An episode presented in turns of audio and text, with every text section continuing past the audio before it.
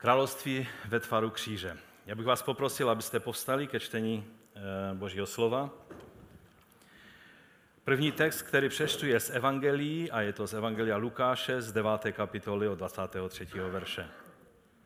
Všem pak řekl, chce-li někdo jít za mnou, ať se zřekne sám sebe. Bere svůj kříž každý den a následuje mě. Kdokoliv by si chtěl zachránit život, ztratí jej. Ale kdokoliv by ztratil svůj život pro mě, ten jej zachrání. Co je člověku platné, kdyby získal celý svět, ale sám sebe ztratil nebo sám sobě uškodil? Kdokoliv by se styděl za mě a za má slova, za toho se bude stydět syn člověka, až přijde ve své slávě a ve slávě Otce a svatých andělů. Druhý text přečtu z listu Filipským, z druhé kapitoly od pátého verše. Smyšlejte tak, jak smyšlel Kristus Ježíš. Ačkoliv vzdílel Boží podstatu, na své rovnosti s ním netrval. Místo toho se vzdal sám sebe. Přijal podstatu služebníka, vzal na sebe lidskou podobu, ocitl se v těle jako člověk, ponížil se a byl poslušný, a to až k smrti. K smrti na kříži. Proto jej Bůh povýšil nade všechno jméno nad každé jméno mu daroval, aby před jménem Ježíš kleklo každé koleno na nebi, na zemi i pod zemí. A každý jazyk, aby ke slávě Boha Otce vyznal, že Ježíš Kristus je Pán. Ano, pane, my to vyznáváme už dnes. My se skláníme před tebou a vyznáváme, že Ježíš Kristus je Pán. My jsme tě poznali a přijali jako Mesiáše a Pána a znovu i dnes chceme víc poznávat tebe, jakým jsi králem a jaký charakter má tvé království, abychom více rozuměli tomu, jak jednáš s námi a jak jednáš s tímto světem. Obřív tvé svaté slovo v našich srdcích. O to tě, Otče, prosíme ve jménu našeho Pána Ježíše Krista. Amen. Amen. Můžete se posadit? Většinou, když se zeptáte křesťanů znalých Bible, co je hlavní téma eh, Nového zákona, tak eh, většinou dostanete dvě odpovědi. Jedni vám řeknou království boží. To je to, o čem mluvil Ježíš, to je to, o čem mluvili apoštole, to je to, eh, co, o čem mluvil Jan Křtitel, to je hlavní téma Nového zákona. A, a pak budou druzí křesťané, kteří budou trvat na tom, že hlavní téma eh, Nového zákona, to poselství Nového zákona je kříž Kristův. Když Pavel řekl, že nechce znát nic jiného než kříž Kristův, nebo Krista toho ukřižovaného mezi korinskými, tak všichni, kteří berou, že to je to hlavní téma, tak řeknou amen, to je to, eh, co eh, je hlavní téma Nového zákona. Moje otázka na vás dnes je, co když ty dvě věci nejsou oddělené? Co když to nejsou dvě různá témata? Co když jsou to pouze dvě stránky té řemínce? Téhož tématu.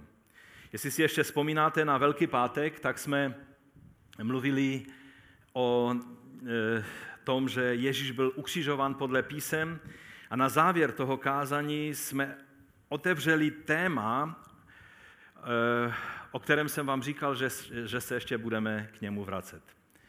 Eh, vracíme se k němu dnes a budeme se vracet ještě možná častěji. Možná novou sérii, jestli pán dá a nějak po prázdninách nebo v průběhu prázdnin eh, začneme, tak to bude série, kdy budeme chtít se dívat na různé osobnosti starého i nového zákona a vždycky se budeme dívat na, na člověka, který žil životem ve tvaru kříže a e, ve vztahu k jinému člověku ze stejné doby, kdo žil podle principů tohoto světa. E, možná začneme Abelem, protože Abel a Kain to jsou dvě takové osobnosti, které, které stojí e, vůči sobě jako dva bratři. Ale to už trošku předbíhám. Dnes chci ehm, se dotknout toho tématu, jaké je Boží království. Co je tou nejzákladnější vlastností Božího království. A moje eh, tvrzení, které vám chci dnes předložit, je, že je to království, které je ve tvaru a ve způsobu kříže. Tak jak eh, řekl Scott McKnight, můj jeden z mých oblíbených autorů, eh, že kruciformní král Ježíš tvoří kruciformní království, nebo ukřižovaný král tvoří království ve tvaru kříže. Ehm, otázka je, jestli skutečně čteme naše Bible, jestli i starý zákon čteme ve znamení kříže. Jestli dokážeme Krista, toho ukřižovaného, vidět v celém písmu. To je jedna výzva. Druhá výzva je, jestli žijeme své životy ve tvaru kříže. Jestli skutečně Golgata a to, co se stalo na kříži, má vliv na, na naše jednání a na náš život. Já vám budu dnes chtít ukázat, že Ježíšovo vítězství nejen, že bylo vybojováno na kříži, a my jsme za to vděční, protože nám byly odpuštěny hříchy tím, že Ježíš byl přibit ke kříži a, a tím jsme získali eh, vlastně eh, spasení a, a věčný život, ale že celé jeho království a jeho vláda probíhá ve znamení kříže. Není to jenom, jak bylo vybojováno vítězství, ale také, jak funguje celé Boží království. A ještě víc budu chtít říct, že se to týká hodně každého jednoho z nás. Když máme chodit v jeho šlepějích, musíme žít naše životy ve tvaru kříže.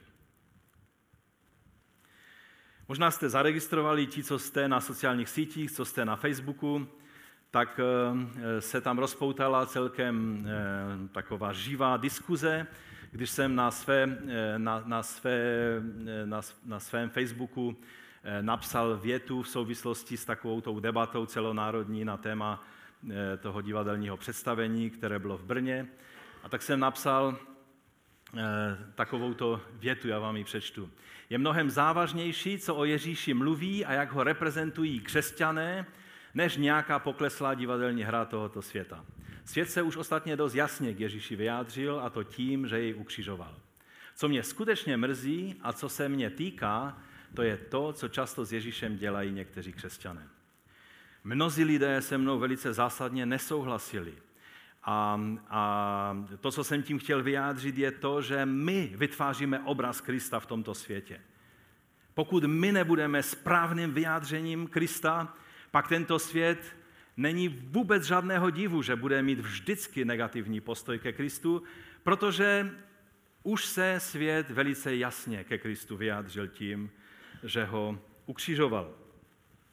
Jeden z bratří, který je hodně aktivní v sociální sféře a který také napsal knihu eh, Vytržení, a kterou mnozí křesťané čtou, i když je to kniha spekulativní a není úplně podložena biblickými pravdami, tak on tam zareagoval na, eh, na toto moje tvrzení takovýmto způsobem. Porovnáváš neporovnatelné, milí bratku. Město toho, abyste využili postavení svojich úradov v církvi a postavili se otvorenému zlu, eh, ako kedysi Jan Hus, zľahčujete tento duchovný boj a oslabujete takýmito rečami těch, ktorých to zďaleka nie je tak, ktorým to zďaleka nie je tak jedno ako vám. Takýto článok, ako uvádzam dole, si mal napísať ty, milý Bohuši, Bohuš. Keď si ho prečítáš, možno to je e, článek, který napsal jeden z členů rady akademické nějaké komise, který na protest proti tomu divadlu odstoupil z té komise. Keď si ho prečítáš, možno opakuje, možno sa zahanbíš za slova, ktorými komentuješ a porovnávaš neporovnateľné. Avšak dnes, ako pravdivo znejú slova Izajáša 42.19, E, kdo je slepý, kromě mojho služebníka a hluchý jako můj posol, kterého posielam? Kdo je slepý jako ten, který používá můj pokoj a slepý jako služebník hospodinou? Možno som bol k tebe dnes trochu hrubý a je mi to pri tebe ľuto, e, lebo si ťa veľmi vážim, odkedy ťa poznám. Ale na veľkú dieru treba veľkú záplatu.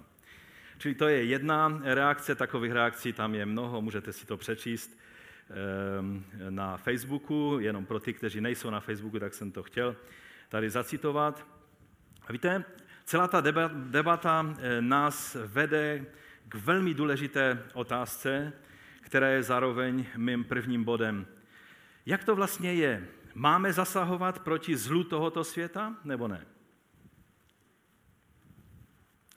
Pamatujme, že máme jít v jeho šlepějích. Mluvili jsme minulé letnice o tom, co znamená eh, Ježíšova výzva, abychom šli v jeho šlepějích, abychom ho následovali. Chce po nás Pán Ježíš, abychom byli pacifisty?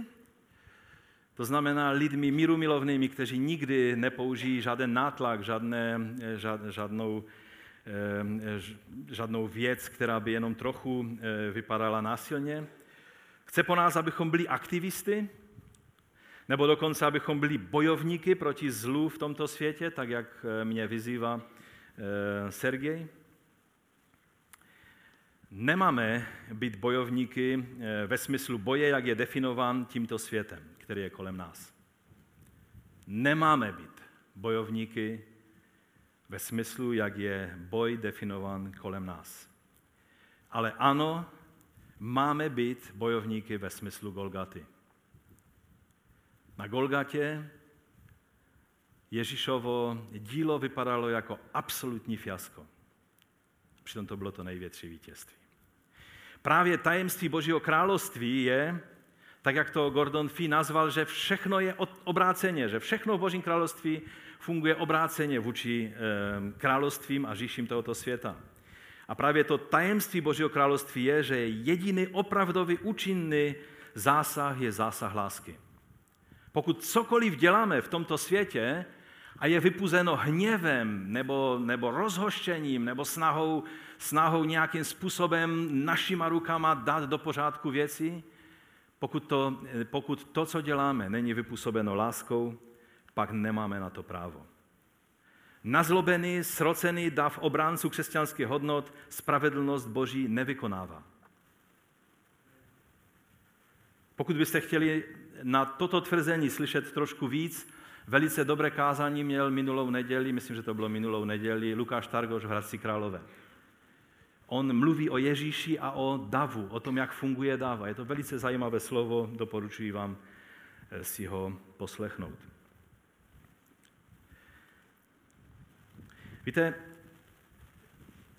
Velice často se objevovalo v té eh, facebookové diskuzi, že je to alibismus, že je to zbabělost, že prostě mlčet znamená, znamená uhýbat, eh, neřešit věci a tak dále. Eh, hodně jsem myslel v těchto dnech na první křesťany, kteří místo, aby šli před nějakou potratovou kliniku, tam vyhrožovat lékařům, že je dají k soudu, když budou pokračovat dál v té své Eh, velice zavržení hodné praxi, když provádějí potraty. Víte, jak reagovali první křesťané? To byli bojovníci, kteří věděli, co to znamená položit svůj život za Krista.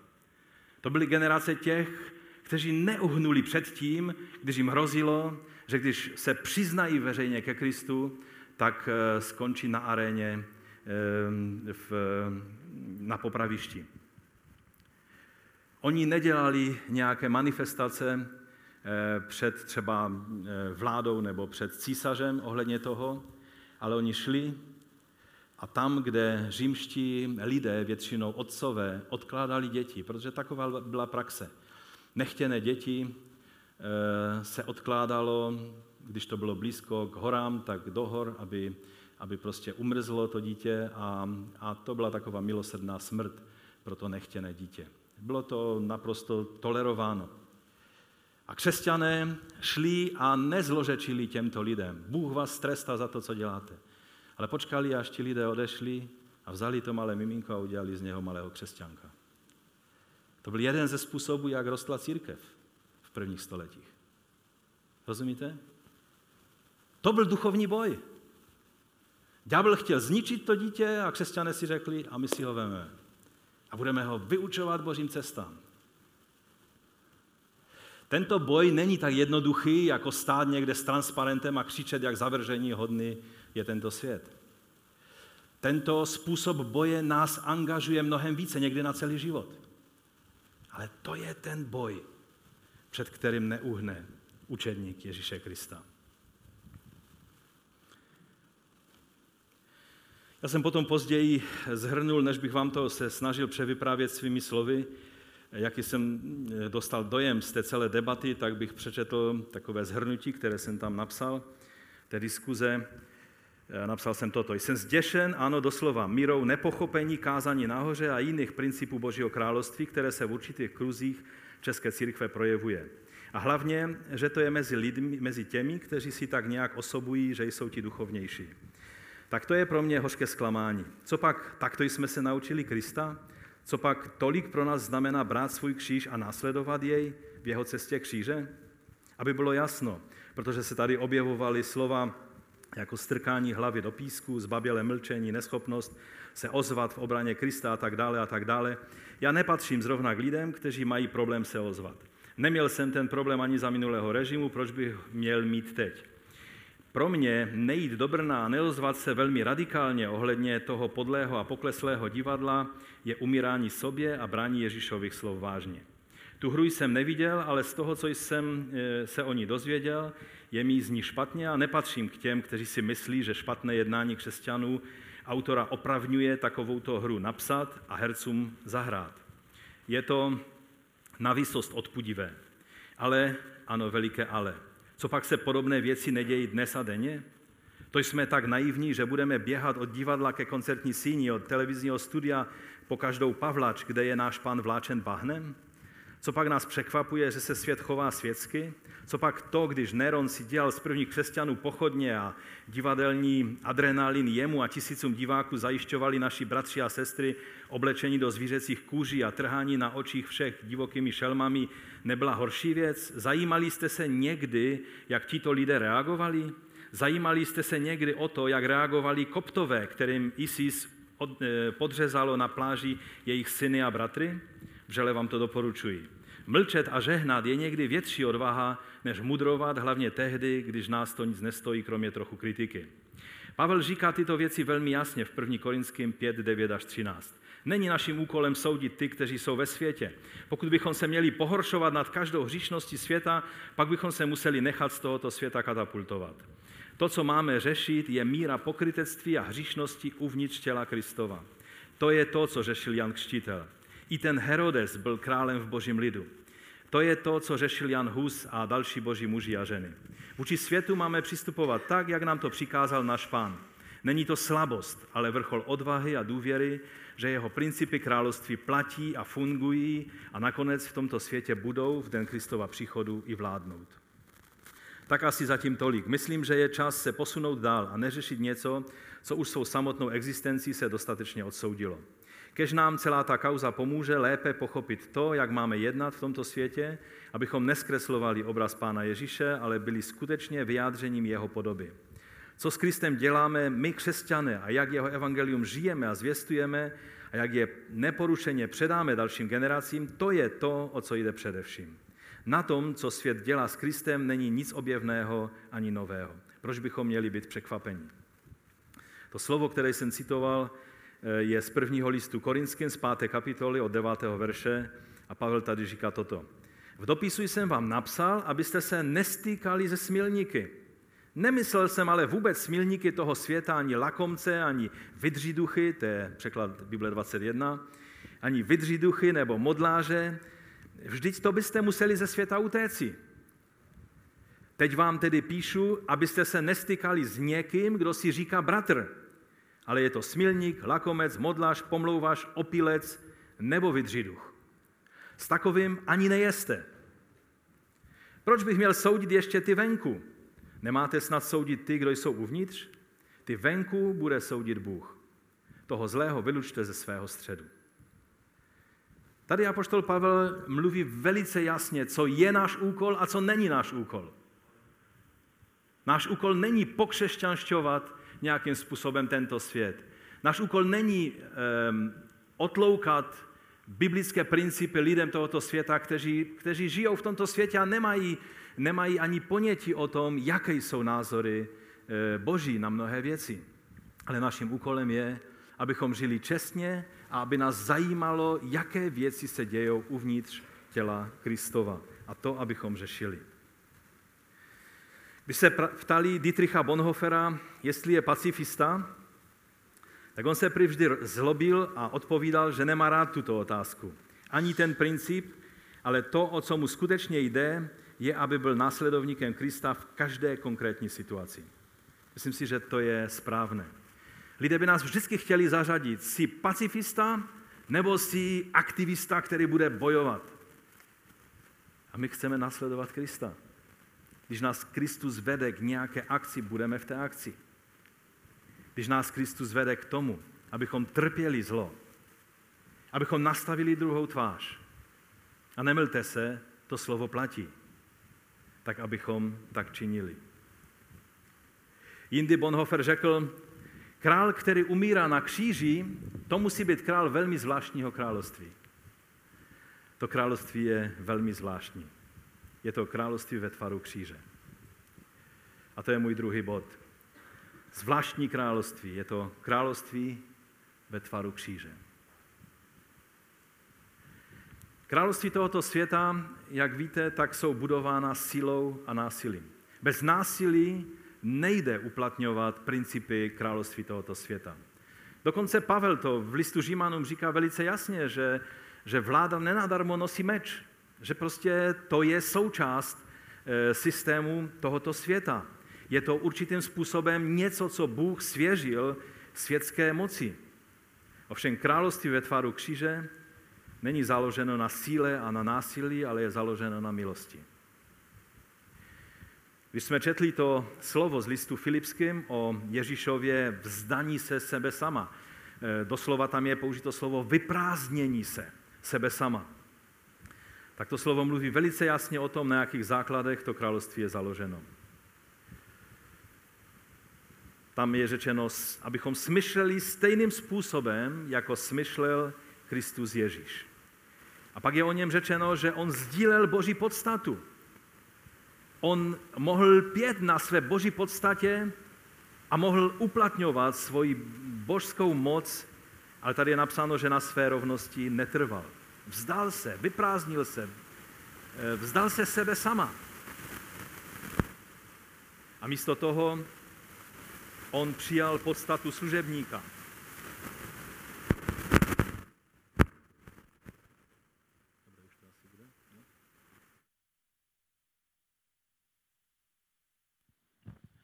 Pojal podstatu služebníka, vzal na sebe lidskou podobu, ocitl se v těle jako člověk, ponížil se. Víte, králové a mocní se nerádi ponižují. Byl poslušný a to nejen takovou poslušností, ale poslušnosti až na smrt. Toto je princip, v jakém tento král králu a pán pánu přišel. A to k smrti na kříži. A proto, proto z toho důvodu jej Bůh povyšil nade všechno jméno, nad každé jméno mu daroval aby před jménem Ježíš kleklo každé koleno na nebi a na zemi i pod zemi a každý jazyk, aby ke slávě Boha Otce vyznal, že Ježíš Kristus je Pán. Ta druhá část není možná bez té první části, proto je tam to slovo, proto z toho důvodu. Víte, už Ježíšovo narození se do tohoto světa a přijetí role sluhy bylo projevem království ve tvaru kříže. On se narodil, ten pán pánu a král králu, ve veliké poníženosti. Opuštění slávy nebeského Otce, my si to nedokážeme představit. Je to dimenze, do které nic jiného nemůže vstoupit. Je to místo, kde přebývá svatý Bůh. A v Kristu on se ponížil, se stoupil na tuto zem, stal se jedním z nás. On věděl, že když bude žít a učit principy království, tak je jenom otázka času, kdy tento svět ho semele. Odmítnul nabídku eh, pokušitele, který mu nabízel vládu v tomto světě podle lidských světských principů. To znamená prosazování pravdy sílou. Používání násilí v potlačování odpůrců. A Ježíš to odmítnul, protože věděl, že to není království ve tvaru kříže. Jeho příchod na tento svět byl ve stejném principu, jako bylo to, když se bez odporu nechal přibít ke kříži. Musíme uvidět v tom tu konzistentnost toho, co se stalo. Kříž není jenom vytržený z kontextu e, nutnost, aby bylo zaplaceno za naše hříchy, abychom měli vstupenku do nebe, tak Ježíš toto musel vytrpět. Ale jinak vládnul a královal. Ale celé jeho, celá jeho vláda, celé jeho království, celé jeho učení je ve tváru kříže. Nejenom, že Bůh založil toto království na těchto ponížených základech Ježíšova kříže, ale i budování, rozvíjení, šíření tohoto království se děje a musí dít stejnými prostředky. Uvědomujete si, že Ježíš nejenom zemřel se znaky mučení na kříži, s dírami po hřebech, na rukou a nohou a probodený bok od kopí, ale že ty znaky, řecky tam je slovo použité stigmata, eh, že mu zůstala i po vzkříšení? Že on je nejspíš má i dnes, tam nahoře u pána? Když sedí po pravici otcově? Jan ve 20. kapitole eh, popisuje takovou zvláštní situaci, která se stala, kdy Ježíš se zjevil učedníkům. Potom řekl Tomášovi, protože Tomáš nebyl na tom prvním setkání a říká, neuvěřím, neuvěřím, dokud se, si nesáhnu na, na, na Ježíše. A Ježíš řekl Tomášovi při dalším e, zjevení, vstáhni svůj prst sem. Ukazoval mu nejspíš na, na jednu z těch e, dír, obrovských dír po římských hřebech. Vstáhni svůj prst sem a pohleď na mé ruce. Vstáhni svou ruku a vloží do mého boku. A nebuď nevěřící, ale věřící. A Tomáš už nikam nepotřeboval strkat své prsty. Když toto uviděl, tak odpověděl, můj pán a můj Bůh. Můj pán a můj Bůh s probodenýma rukama, s probodeným bokem. Znaky, ta stigmata toho, že Ježíš byl ukřižován, zůstanou součástí boží existence už navždy. Toto je princip, ve kterém jeho království je založeno a ve kterém zůstává. Pavel mluví dále, že i on má stigmata Ježíše na sobě. On nemluví o těch stigmatech, které se v některých mystických částech eh, některých tradičních církví objevují a je to velice takové zvláštní a, a nechci to komentovat.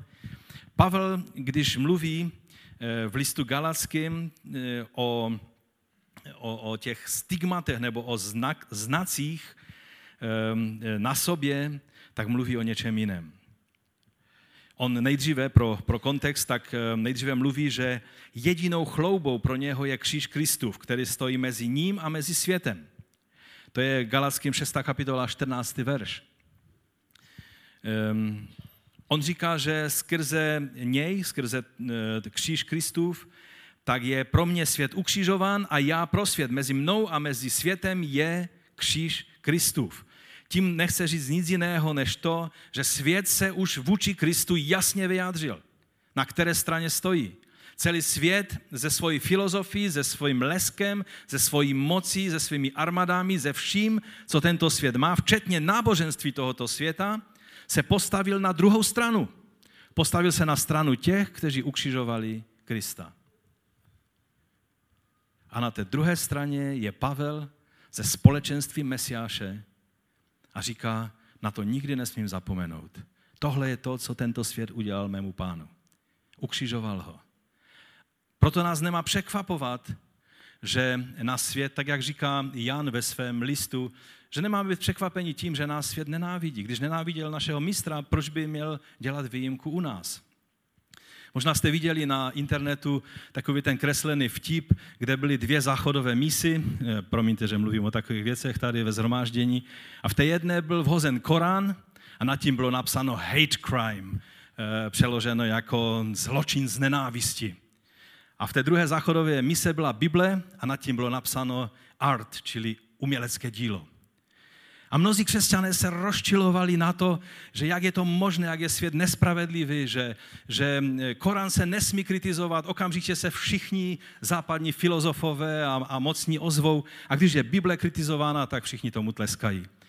A já jsem na to řekl, haleluja, amen, praise be to God. Víte proč? Svět brání a miluje to, co jeho jest. To je vrcholný důkaz toho, že Korán je součástí náboženství tohoto světa. Korán není dílem božím, ale je dílem beduínů, kteří ho dali dohromady na poušti. Možná pod vlivem nějakých duchovních sil, to nechci teď rozebírat, ale je to dílo tohoto světa a svět to, co je jeho, bude bránit. Ale boží slovo nepochází z tohoto světa. Království boží nepochází z tohoto světa. Do, dokonce Ježíš říká, kdyby pocházelo, tak by mě mý služebníci tady bránili. Ale právě proto, že je to, že je to z jiného světa, z boží sféry. Proto svět vždycky bude odpovídat křížem. Vždycky bude odpovídat tím postojem, kterým už se vyjádřil velice jasně vůči Kristu. A proto ten vtip v tom je veliká hluboká teologie. Je nechutný, ale je v tom velice eh, správná pravda vyjádřena, že svět bude vždycky milovat to, co je jeho. A nebuďme překvapeni, když k nám neví, jak se postavit a většinou je to vždycky způsobem kříže. A Pavel potom mluví eh, v tom 17. verši, ať mi už nikdo nepůsobí potíže, vždyť já nosím na svém těle znaky toho, že patřím Ježíši. A Bible 21 to překládá, jízvy na mém těle jsou znamením, že patřím Ježíši. O čem to Pavel mluví? Co to byly ty jízvy, ta stigmata Pavlova? Nebylo to nic jiného, než to, že šel ve šlepějích svého mistra a jeho svět napadal a zostuzoval, nakonec ukřižoval a tak stejně se tento svět stavěl i k Pavlovi jako Ježíšovu učedníku. Jsi na dobré straně, pokud svět ve svém pyšném postoji se často chová stejným způsobem vůči tobě. Nemělo by nás to překvapovat. Naopak bychom si měli položit otázku, zda i my máme na sobě stigmata toho, že patříme Kristu. Kdy jsi naposledy prožil situaci, kdy se musel rozhodnout i ze svojí ztrátou, aby si zůstal věrný Kristovu principu. A svět tě v tom nerozuměla. Buď se ti smáli, anebo tě přímo eh, kritizovali za to. Je třeba si uvědomit, že když budeme skutečně následovat Krista, pak svět bude mít stejný postoj k nám, jako měl k našemu pánu. To je totiž nesení kříže na každý den. Většinou eh, chápeme prostě to, že máme eh, brát svůj kříž, eh, kromě takových těch bizarních způsobů, někteří si vysvětlují, že brát svůj kříž na každý den znamená snašet svoji manželku nebo naopak manžela, ale chci vám říct, že takový ten běžnější způsob vysvětlení je, že vlastně se stotožujeme s Ježíšovou smrtí, abychom mohli si při, abychom mohli přijmout spásu, kterou Ježíš nám vydobil na kříži abychom měli vstup do nebe. To je sice skvělé a je to pravda, ale je to pouze část pravdy. Ta druhá část pravdy totiž je, že máme žít život ve znamení kříže. Že máme žít život, který je ve tvaru kříže. Že máme konkrétní situace ve svém životě, kdy nastavíme druhou tvář. Dáme plášť, když se po nás chce košile. Žehnáme, když nás proklínají. Milujeme, když jsou lidé vůči nám nepřátelští. A to platí jak v životě nás jednotlivců, nebo nás rodin, ale i nás jako společenství těla Kristova. Pamatuji si, jak před léty byla jedna sestra, která, eh, které se znelíbilo tady u nás ve sboru a rozhodla se, že opustí náš sbor a pak si vzpomněla, že nějakou dobu investovala tady nějaké peníze do sboru že dávala své desátky do sboru. A v té chvíli eh, najednou ji nenapadlo nic lepšího, než eh, žádat ty peníze od nás zpátky. Každá rozumná rada tehdy, když, jsme, když jsem se snažil zjistit, jaká je právní situace, jaká je jaká je vlastně vůbec, jak bychom správně měli postoupit, jak jiné sbory v takových situacích postupují. Všichni mi říkali, není nejmenší důvod pro to, abyste ty peníze vraceli. Jednalo se tehdy asi o 70 tisíc korun. A mě před očima stále jenom stalo to jedno. Když po vás budou chtít košili, dejte jim i plášť. A tak jsem bratřím na radě tehdy řekl, víte, možná ekonomicky, možná právně, to je takto. Ale já stále vidím ta Ježíšova slova, že máme udělat ten krok tak, jak nám radí pán Ježíš. A tehdy rada souhlasila, i když jsme měli takovou živou debatu kolem toho, a napsali jsme dopis, kde jsme vysvětlili, že to neděláme z důvodu toho, že musíme ten krok udělat, ale že to děláme, protože nám eh, jde vzorem Pán Ježíš v tomto kroku. A já vám řeknu, že jsem vždycky, co si na tu situaci pomyslím. Pán nám vynahradil těch 70 tisíc, takže jsme ani v účetnictví nepoznali, že nám nějaké peníze chybí. Prostě Bůh požehnal tento krok ale vždycky, co si vzpomenu na tu situaci, tak jsem vděčný pánu za to, že na té křižovatce jsme mohli se zachovat různým způsobem. Ale my jsme udělali ten krok, který je správný, i když ze ztrátou. A ta otázka je, jestli takto jednáme i v našem životě, v těch běžných situacích života, protože to je způsob Kristu. Já vím, že na každou tu věc, jako když chtějí po vás skošili a nastavte druhou tvář, když vás udeří, že jsou na to různá vysvětlení. Ale dnes se nebudu pouštět do žádných vysvětlení. Pokud chcete znát e, bližší nějaké vysvětlení, běžte do, do série Ma, e, Mesiáš podle Matouše, běžte do série Desatero pro 21. století. Tam se o těch věcech, tam jsme mluvili velice podrobně. Ale zkusme si přečíst jak nám zaznamenává Lukáš ta slova Ježíše a zkusme to poslouchat tak, jako že to Ježíš myslí vážně. Je dobré to takhle číst? Dobré to je, ale je to nebezpečné. Chcete do toho jít? Zkusme to číst, jako že to Ježíš skutečně myslel vážně. Ale vám, kteří slyšíte, pravím, milujte své nepřátele. Už na té první větě bychom se zadrhli. Pane, to není možné. Jo, milovat tam ty vzdálené severokorejce bych dokázal. Ale toho nepřítele, který mi pije krev každý den, to není tak jednoduché. Dobře čiňte těm, kteří vás nenávidí. Žehnejte těm, kteří vás proklínají. Modlete se za ty, kteří vám činí příkoří. Tomu, kdo tě bije do tváře, nastav i druhou a tomu, kdo ti bere plášť, neodepři ani košili. Každému, kdo tě žádá, dávej. A od toho, kdo ti bere, co je tvoje, co je tvoje. Nežádej nic naspět. Jak chcete, aby lidé činili vám, i vy stejně čiňte jim. A jestliže milujete ty, kteří milují vás, jakou máte zásluhu, vždyť hříšníci milují ty, kdo je milují. A jestliže činíte dobře těm, kteří činí dobře vám, jakou máte zásluhu? I hříšníci dělají to tež. Půjčujete-li těm, od kterých máte naději dostat to zpět, jakou máte zásluhu? I hřišníci půjčují hřišníkům, aby to zase dostali na zpátek. Ale milujte své nepřátele. Čiňte dobře a půjčujte a neočekávejte něco na oplátku. A vaše odměna bude hojná a budete syny nejvyššího, protože on je dobrotivý k nevděčným i zlým. Buďte milosrdní, jako je milosrdný váš otec. Před časem vyšla kniha nejvlivnějších lidí světa a každý čekal, že Ježíš bude na prvním místě, protože kdo může být vlivnější osobností než Ježíš. Ale ten autor, to byl takový postmoderní filozof, autor té knihy, tak dal Ježíše až na třetí místo. Za Mohamedem a Izákem Newtonem. A když na něho všichni vlitli, samozřejmě křesťané, eh, že, že prostě to nedává smysl, jak může dát Ježíše až na třetí místo.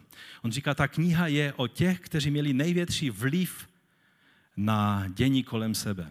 Samozřejmě my víme, že, že to je přitažené za vlasy, ten jeho názor, ale on řekl, slova Mohameda ti jeho následovníci berou mnohem víc vážně, než následovníci Ježíše, Ježíšova slova.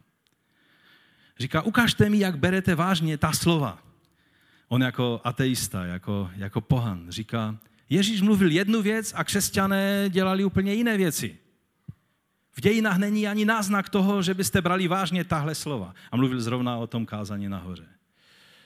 A samozřejmě on vůbec si neuvědomuje ten člověk, jak obrovský vliv měl Kristus za křesťanství i přes ty všechny chyby, přes všechno násilí, které se jménem Ježíše děl a konalo a děje dodnes, jak obrovský vliv a jak, v jakém stavu by byl tento svět, kdyby nebylo křesťanství. Ale mě to přivedlo k přemýšlení. Nakolik skutečně neříkáme jenom, ano, Ježíšovo učení je, je z hůry, je od Boha. No ale zase to nemůže přece brát až tak vážně. Když ti někdo jednu pořádně vlepí, tak aniž přemýšlíš, tak mu to vrátíš zpátky. Když ti někdo ublíží, tak okamžitě se budeš bránit, abys náhodou neměl škodu. Někteří řeknou, no dobré, tak sebe teda nebudu bránit, ale Kristu nenechám ubližit. To je můj pán a já mu nenechám ubližovat. To byl často názor těch lidí v té debatě kolem toho divadla. Jedna sestra mi dokonce napsala na Facebook, že přece kdyby uráželi tvou maminku, taky bys to nenechal jen tak. E, jo, maminku bych určitě bránil. Ale Ježíš si nepřál, abychom ji bránili. V tom je ten problém. A to je můj třetí bod. Proč si Ježíš nepřeje, abychom ho bránili? My bychom v tom byli dobří. Bychom byli ještě důraznější než ti slušní lidé z Brna. Takové, prostě takovou jednotku obrannou eh, pro Ježíše bychom dali dohromady. Jenže on si to nepřeje. Když se podíváme na kontext, ty okolnosti toho, v jakých pán Ježíš vyzval své učedníky k tomu, aby brali svůj kříž, tak tam je velice zajímavá, zajímavý kontext toho, Eh, co přivedlo Ježíše k tomu, aby to, co jsme četli z Lukáše, tak Matouš to popisuje v takovém širším kontextu. Já bych to přečetl v 16. kapitole Matouše. Od té doby Ježíš začal svým učedníkům ukazovat, že musí odejít do Jeruzaléma a mnoho vytrpět od starších, velekněží a učitelů zákona, být zabít a třetího dne být vzkříšen. A Petr si ho vzal stranou, to, aby neudělal Ježíši ostudu, že ho takové věci základní musí poučovat a začal ho kárat. Bůh tě chraň, pane. To se ti určitě nestane. Ale on se otočil a řekl Petrovi, jdi ode mě, satane, jsi mi kamenem úrazu. Protože, proč? Protože nemáš na mysli věci boží, ale věci lidské. Máš na mysli království tohoto světa a ne království ve tvaru kříže. A tehdy Ježíš řekl svým učedníkům, chce-li kdo jít za mnou, ať zapře sám sebe, vezme svůj kříž a následuje mě. Neboť kdo by chtěl svoji duši zachránit, zahubí, kdo by, chtěl svoji duši, kdo by svoji duši zahubil kvůli mě, naleznej. Vždyť co člověku prospěje, získali celý svět, ale uškodí své duši, anebo co dá člověk vyměnou za svou duši? Rozumíte? Co chtěl Petr udělat? On nechtěl nic jiného, jen Ježíše chránit před tímto světem. Je to tak? On se chtěl zaručit jako takový nepsaný vůdce celé, celé té skupiny učedníků, že on se postará o to, aby, aby Ježíši nebylo ubližováno. A teď mi vysvětlete, co bylo tak hrozné na tom, co Petr svou radou udělal, že si vysloužil tak ostré odmítnutí a, a snad nejtvrdší pokarání Ježíše, které kdokoliv, kdokoliv z lidí slyšel. Jdi pryč ode mě, satane. Co v tom bylo tak hrozného? Petr radil něco, co šlo přímo proti principu moci na základě bezmoci kříže. Ježíš v jeho slovech, když ho slyšel, ta slova, co mluvil Petr, tak najednou, já si to takhle představuju, najednou uslyšel ozvěnu toho, co mu říkal pokušitel na poušti. Ano, můžeš vládnout způsobem, jak se vládne v tomto světě. A Ježíš najednou ústech svého učedníka slyší ta stejná slova. Tak je napsáno, že ďábel od něho odstoupil do času. A najednou od toho, od koho si to Ježíš nejméně přál. Před chvílí Petr dal nádherné vyznání, kterému nezjevilo tělo a krev. A najednou začíná uvažovat jako tento svět. A Petr byl určitě jistě v šoku z toho, z té reakce Ježíše, ale on byl i dost tvrdohlavý. On se té obrany Ježíše zas až tak lehce nevzdal. 26. kapitola popisuje jinou, dost zvláštní situaci. A hle, jeden z těch, kteří byli s Ježíšem, natáhl ruku a vytasil meč, a my víme z jiných míst, že to byl Petr, vytasil meč a udeřil veleknězova otroka a utěl mu ucho. Ještě naštěstí, že se moc netrefil, že mu udělal jenom ucho a ne celou hlavu. Tehdy mu Ježíš řekl, vrať svůj meč na místo. Neboť všichni, kdo se chápou meče, mečem zahynou. Bereme vážně to slovo? Všichni, kdo mečem, kdo se chápou meče, mečem zahynou. Či myslíš, že nemohu poprosit svého otce, to je zajímavá věta, či myslíš, že nemohu poprosit svého otce, aby on mi hned pošle víc než 12 legí andělů? Chtěl bych vidět takovou armádu. 12 legí, jedna legie 5 až 6 tisíc lidí. Andělů. 12, víc jak 12, takže nevíme vlastně kolik. Jak by se však naplnila písma, že se tak musí stát? Ježíš mohl mít na zavolání 12 legí andělů. A on si je nevyžádal.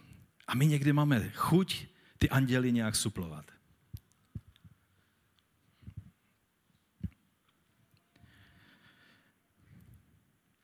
A to je tady v tom dost groteskním, ale tragickém příkladu, ale povzbudivém, protože Ježíš to vyřešil, ehm, v tom celém příběhu, je přesně ukázáno to, co se děje, když používáme násilí v obraně Ježíše a jeho pravdy. Co tím způsobíme? No, že odetneme ne jedno ucho, ale obě uši těm, kteří mají slyšet evangelium. Proč chodí tolik lidí po světě a nemůžou ani, ani cítit evangelikální křesťany, kteří mluví o nebi, o pekle, o spáse, o úžasném životě v Kristu a tak dále? Proč? Že jsme jim usekli obě uši svým způsobem jednání. Kdy bráníme Ježíše způsobem tohoto světa. Naštěstí Ježíš to může spravit a on přiložil to ucho na místo, kde patří a uzdravil toho člověka. Ježíš mohl použít víc jak 12 legí andělů, ale to neudělal. Co byste udělali vy, kdybyste měli moc udělat cokoliv? Můžeme tak pustit fantazii trošku. Co byste udělali, kdybyste najednou měli možnost a moc udělat cokoliv? Víte, co udělal Ježíš? Sklonil se ke svým učedníkům, těm učedníkům, o kterých věděl, že velice brzy to bude, že ho všichni opustí. Jeden ho dokonce zradí. A on se k ním sklonil a udělal tu nejpodřadnější práci, která pro otroka existovala. Umyl jim nohy on král. A řekl, rozumíte tomu, co jsem udělal? I vy máte takhle jednat. Nejde o obřad umývání nohou. Jde o to, abychom pochopili princip uníženého, poníženého um, služebníka ve tvaru kříže, kterým byl Ježíš, což ho přivedlo až na kříž a proto má plné právo být pánem pánu a králem králu.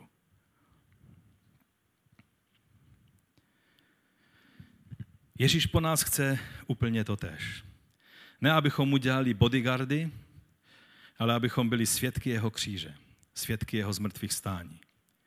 Abychom byli občany toho zvláštního království, ve kterém je všechno jinak, než v říších tohoto světa. A tak, co říct závěrem? Ještě jedna, jeden příběh, ze kterým se chci s vámi podělit na závěr. Lukáš 23. kapitola od 8. verše. Když Herodes Ježíše uviděl, velmi se zaradoval, neboť si ho už dlouho přál vidět, protože o něm mnoho slyšel a doufal, že od něho uvidí nějaké znamení. Kladl mu mnoho otázek, ale on mu na nic neodpověděl. Prostě na nic mu neodpověděl. Stali tam velekněži a učitele zákona, využili tu situaci, že? A je tady napsáno, a prudce ho obvinovali. I Herodes jim se svými vojáky pohrdl.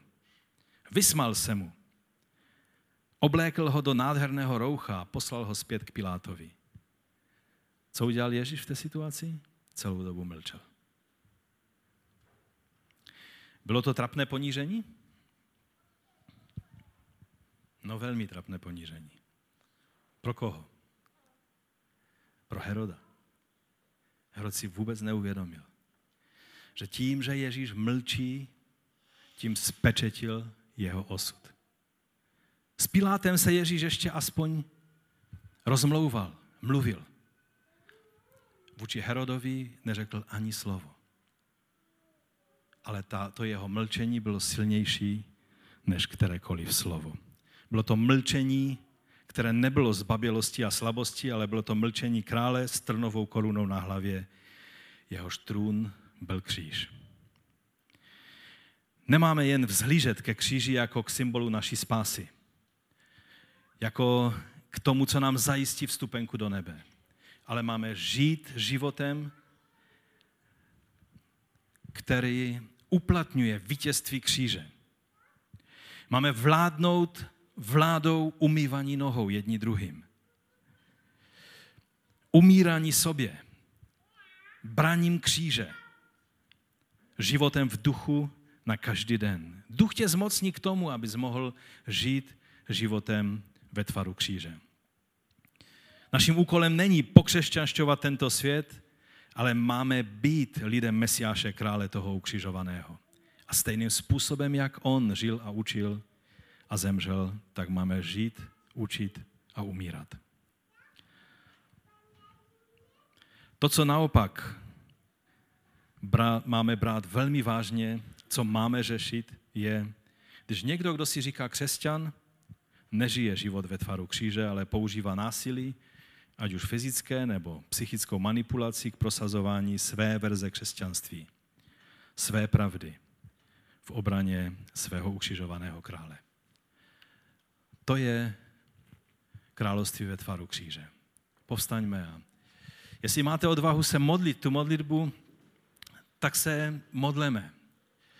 Pane, dej, aby můj život bral vážně ta slova, abych ve svém životě bral vážně ta slova, která jsi řekl. I ta slova, která znamenají mé ponížení.